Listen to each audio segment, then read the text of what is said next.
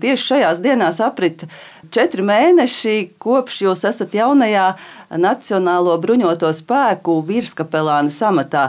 Kāds jums ir bijis šis laiks, kāds ir bijis šis pirmais darba cēliens? Jā, sveiki! Un patiešām es nebiju par to padomājis, jo četri mēneši ir apkārt. Šis laiks ir paskrējis ļoti steidzīgi, ļoti darbīgi, jo daudz kas, daudz kas ir jāsadara.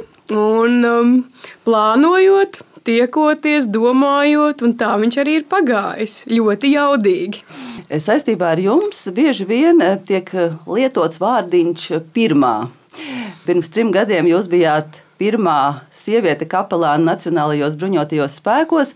Šogad jūlijā jūs kļuvāt par pirmo sievieti virskapelāni, un ne tikai Latvijā, bet es pareizi saprotu arī visās NATO dalību valstīs.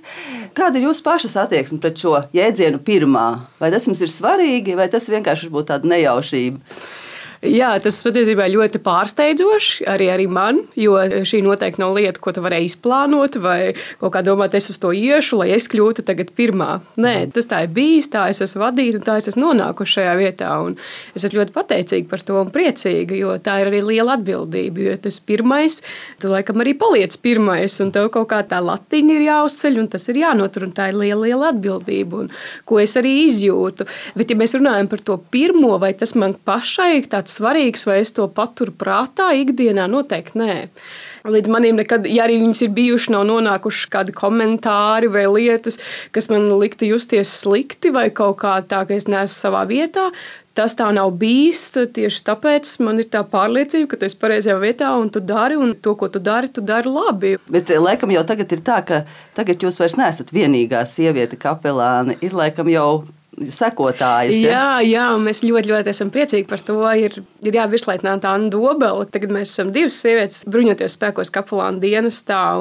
Tas patiešām brīnišķīgi, jo tas viss ir tāds pilnīgāks, ja tā varētu teikt. Ir kaut kādas lietas, ko kapelāna vīrieši varbūt nesaredz, un otrādi. Un tad mēs veidojam tādu kopīgāku to bildi kaut kādās lietās. Ja es kaut ko nevaru lūdzu viņiem, ja viņi kaut kādu padomu man, un tas viss, viss ir tāds pilnīgāks, un mēs ļoti labi sadarbojamies. Vai jūs lūdzu mazliet konkrētāk varētu pastāstīt, nu, ko dara kapelāns bruņotajos spēkos, varbūt ar kādiem personiskiem piemēriem, kad bija kāda situācija, ka jūs sapratāt, jā, ka ļoti nozīmīgs šis amats ir bruņotajos spēkos? Sākotnēji, pirms kādu piemēru, tad varbūt par to, ko īsti dara kapelāns bruņotajos spēkos. Jo jā, viņam ir ļoti konkrēts uzdevums, kāpēc viņš ir tur. Pirmkārt, viņš ir tur, lai kalpotu dievam, kalpotu tēvzemē, un pamatā ir dieva vārds, un ar to arī atšķirās kapelāns, ka mēs nākam no konkrētas tradīcijas, no konkrētas konfesijas, un tā ir arī mūsu identitātes daļa, ko mēs nesam līdzi. Un, un pavisam nesen Majors Marks Savickis, arī kapelāns, kurš tā minēja, viņš saka, jā, bet mēs pavisam oficiāli, mums arī tas ir jādara, no mums to sagaida, ka mēs oficiāli sludinām Dievu vārdu, un mums tas arī ir jādara, mums tas ir amata aprakstā ierakstīts, ja? un tad es tā domāju, tiešām es nebiju par to tā aizdomājis, un tas tā arī ir. Jā, jo bez tā mēs nekur. Et, kaplāns nodrošina garīgo aprūpi un reliģisko aprūpi. Un tie ir tādi divi virzieni. Ja reliģiskā aprūpe ir ļoti konkrēta, Jā, jo mēs nākam katrs no savas konfesijas, tad mēs arī darbojamies tā, kā mūsu konfesija ir noteikusi. Jā, tās lietas mēs nodrošinām. Un savukārt, otra, tas ir garīgais, tas vairāk motivācija, atbalsts, iedrošinājums, un blakus tam ir arī visas tās ceremoniālās daļas, uzrunas, kas ir vēl viena sadaļa. Kā jūs saprotat, kurā brīdī kuram karavīram ir vajadzīga tā garīga aprūpe vai palīdzība. Tas ir sarunas. Tagad. Jā, mēdz būt dažādi. Tā nav noteikti viena formula. Tāpēc kapelāns ir viens no tiem karavīriem, kurš iet tur, kur ir karavīrs. Viņam pašam ir jāiet, jābūt blakus. Viņš nevar sēdēt kabinetā un gaidīt, kad pie viņa pieteiksies uz vizīti, ja, ja mēs tā varētu teikt. Viņš ir tas, kas iet kopā. Tur, kur ir karavīrs, kur viņš ir apmācībā, tur, kur viņš ikdienā savos uzdevumos, tur arī ir blakus. Un tur arī parādās tās lietas, tu esi vai nē, es nepieciešams. Bet visbiežāk ir tā, ka tu esi nepieciešams kaut vai savu klātbūtni. Protams, tās ir kristības, tās ir iesvētības, tās ir pāru attiecības, ja, kā konsultāts, kā iedrošinātājs. Ja. Tie ir svētbrīži, tie ir dievkalpojumi, tas ir aizlūgšanas. Teiksim, 1. septembris, kad tuvojās viss, tāpat mēs aizlūdzam par karavīru bērniem, un tas viņiem vienmēr ir ļoti svarīgi. Bet, ja runājam arī par tiem piemēriem, tad ļoti tā sirdī silti palika. Jā, ka es biju militārajā policijā, ka es pavisam vakar, jā, vakar sarakstījos to, un ka tev saka, jā, Paldies, ka tu biji to laiku pie mums, jo tā ienākšana vienībā man, man arī lika paskatīties uz lietām citādāk, uz dzīvi citādāk, uz savu būšanu šeit, militārajā dienestā citādāk. Un, um, es tagad esmu pavisam cits cilvēks, esmu piepildīts, priecīgs un tā. Un tās noteikti ir tās lietas, ka tu īsti nezini, kas tieši, ko tu esi darījis, bet tas ir izveidojies tā, ka cilvēks, ka viņa sirds ir mainījusies, ka kaut kas ir mainījies viņa dzīvēm. Vai kapelāns arī pats ir karavīrs? Jūs teicāt, jūs ejat līdz apmācībās, bet cik lielā mērā jūs pati esat karavīrs? Jā, visi kapelāni, jā, mēs esam karavīri arī, un um, mēs esam speciālisti. Mūsu profesija, tā, kad mēs esam kapelāni, mēs neesam kainieki, karavīri, kā gribētu domāt, mēs neskrienam ar ieročiem, viss, bet mums ir konkrēts uzdevums nodrošināt šo garīgo un reliģisko aprūpi. Ieroči jums nav? Nē, kapelāns nenēsā ieročus. Bet tas nenozīmē, ka kaplānam nav jāzina, kas ir ierocis un no kā viņš sastāv. Mm -hmm. Bet tas, laikam, ir svarīgi. E, jums droši vien bija arī kādi normatīvi jākārto, ja, lai jūs kļūtu par karavīru. Droši vien tas ir svarīgi to izjust, lai jūs labāk viņus saprastu, vai ne? Jā, Jā. pilnīgi noteikti. Pilnīgi noteikti. Mm -hmm. Katrs kapelāns ir gājis pamat apmācības kursu un izgājis gan alūksne kājnieku skolu, pēc tam instruktoru skolu, viens sadaļu un tad noslēdz akadēmijā. Un tad ir tas, ka tu kļūst par virsnieku speciālistu. Jā. Un kas tagad ir mainījies jūsu darbā, kopš jūs esat eh, virskapelāni? Ja es varu salīdzināt, jā, noteikti ir mainījies tas, ka es mazāk esmu tiešajā kontaktā ar karavīru Jā, ja, kad es biju vienībā, tad man bija visas iespējas. Es katru dienu varēju iet un būt blakus viņiem. Tad šajā gadījumā tas darbības lauks ir nedaudz cits, un tavi uzdevumi ir nedaudz citi. Ka tev ir plānošanas lietas, tev ir sanāksmu lietas, un tad jau plašāk tā bilde. Un, ja te, jā, teikšu godīgi, tas nedaudz pietrūkst, jo noteikti tas ir tas aicinājums kapelānam, pilnīgi noteikti ņemt tam aicinājumu būt kopā ar to, kā arī būt cilvēku attiecībās, sarunās. Un, un, un. Tās dzīvās attiecības ar karavīriem. Es saprotu, ka tagad jums vairāk ir attiecības ar kapelāniem. Ja? Jūs vairāk ar viņiem strādājat. Ja? Ar kapelāniem, jā, gan ar kapelāniem, gan ar vadību un vadības grupu vairāk. Jā. Un cik ir kapelāni šobrīd? Mēs esam 15. 15 mm -hmm. profesionālā dienestā un savukārt arī līdzīgi 15 senāk zemesardzē.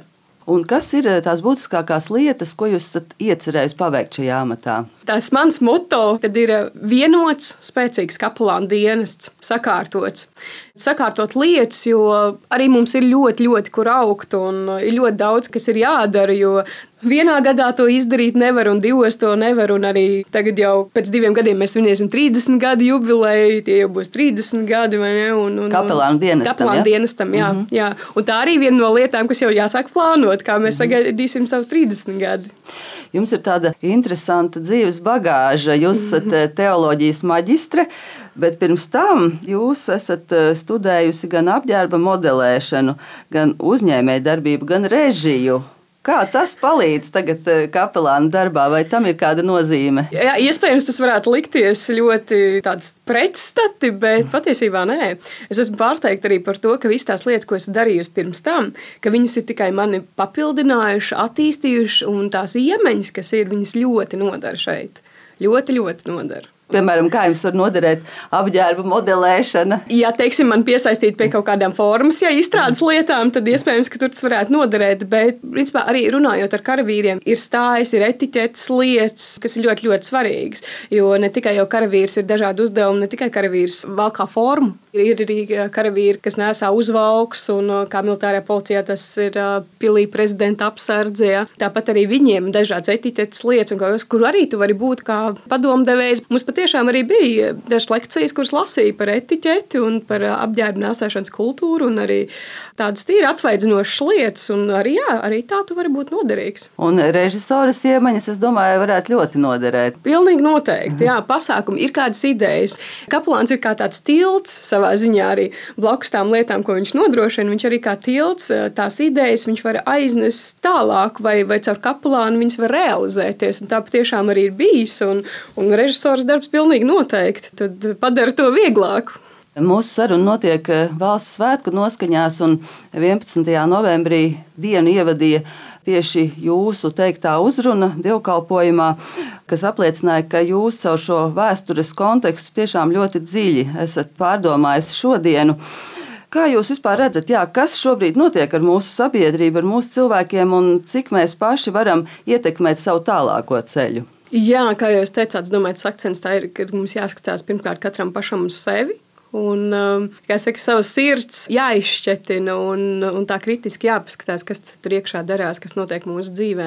Jo pirmais, tas, ko tagad var redzēt, tas ir vairāk nav skats uz sevi, bet uh, vai nu skats un uh, tāda citu vērtēšana vairāk nekā sevis. Bet patiesībā mums katrā iekšā ir ļoti daudz lietas, kuras ir nepieciešams sakārtot.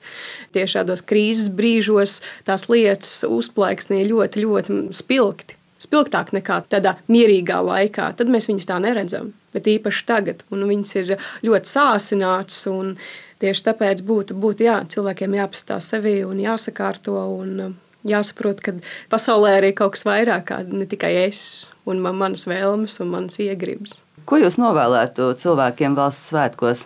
Pirmkārt, pavadīt viņus tādās svētku noskaņās, Noteikti izmantot un izbaudīt tās lietas, ko ir sagādājuši televīzija, radio un dažni dažādas lekcijas un iespējas iesaistīties. Uzziniet kaut ko jaunu. Jā, jo es domāju, mēs katru gadu varam uzzināt par mums, par mūsu tautu, par Latviju, par lietām kaut ko jaunu. Un, jo gadu ietvaros jau kaut kādas lietas arī pazūd tajā ikdienā. Un tad šis brīnišķīgs laiks, šis brīnišķīgs mēnesis, kad mēs atkal tam varam pievērsties un likt šos akcentus, atcerēties, kas mēs esam, par ko mums jābūt pateicīgiem. Jā, un, un kad ir bijis tāds laiks, un kāds laiks ir šodien, un vai kaut kas ir mainījies, vai mēs kā cilvēki esam mainījušies šajā laikā. Un noteikti novēlēt visiem tādu mieru dvēselē, mieru dvēselē un atrast to mieru. Jo ir diezgan nemierīgs, diezgan nemierīgs laiks. Jā, kā jūs teicāt, kas šodien nav liekts, viena lieta joprojām mums nav liekta, tā ir dieva pieejamība. Tā ir pieejamība 24, 7.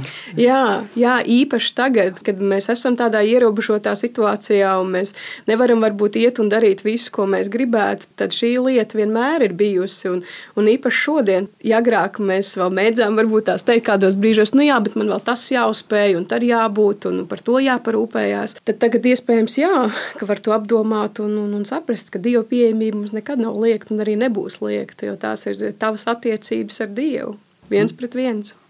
Paldies jums par sarunu un skaistas svētkus. Paldies jums, sirsnīgs, jā, skaistas svētkus. Paldies!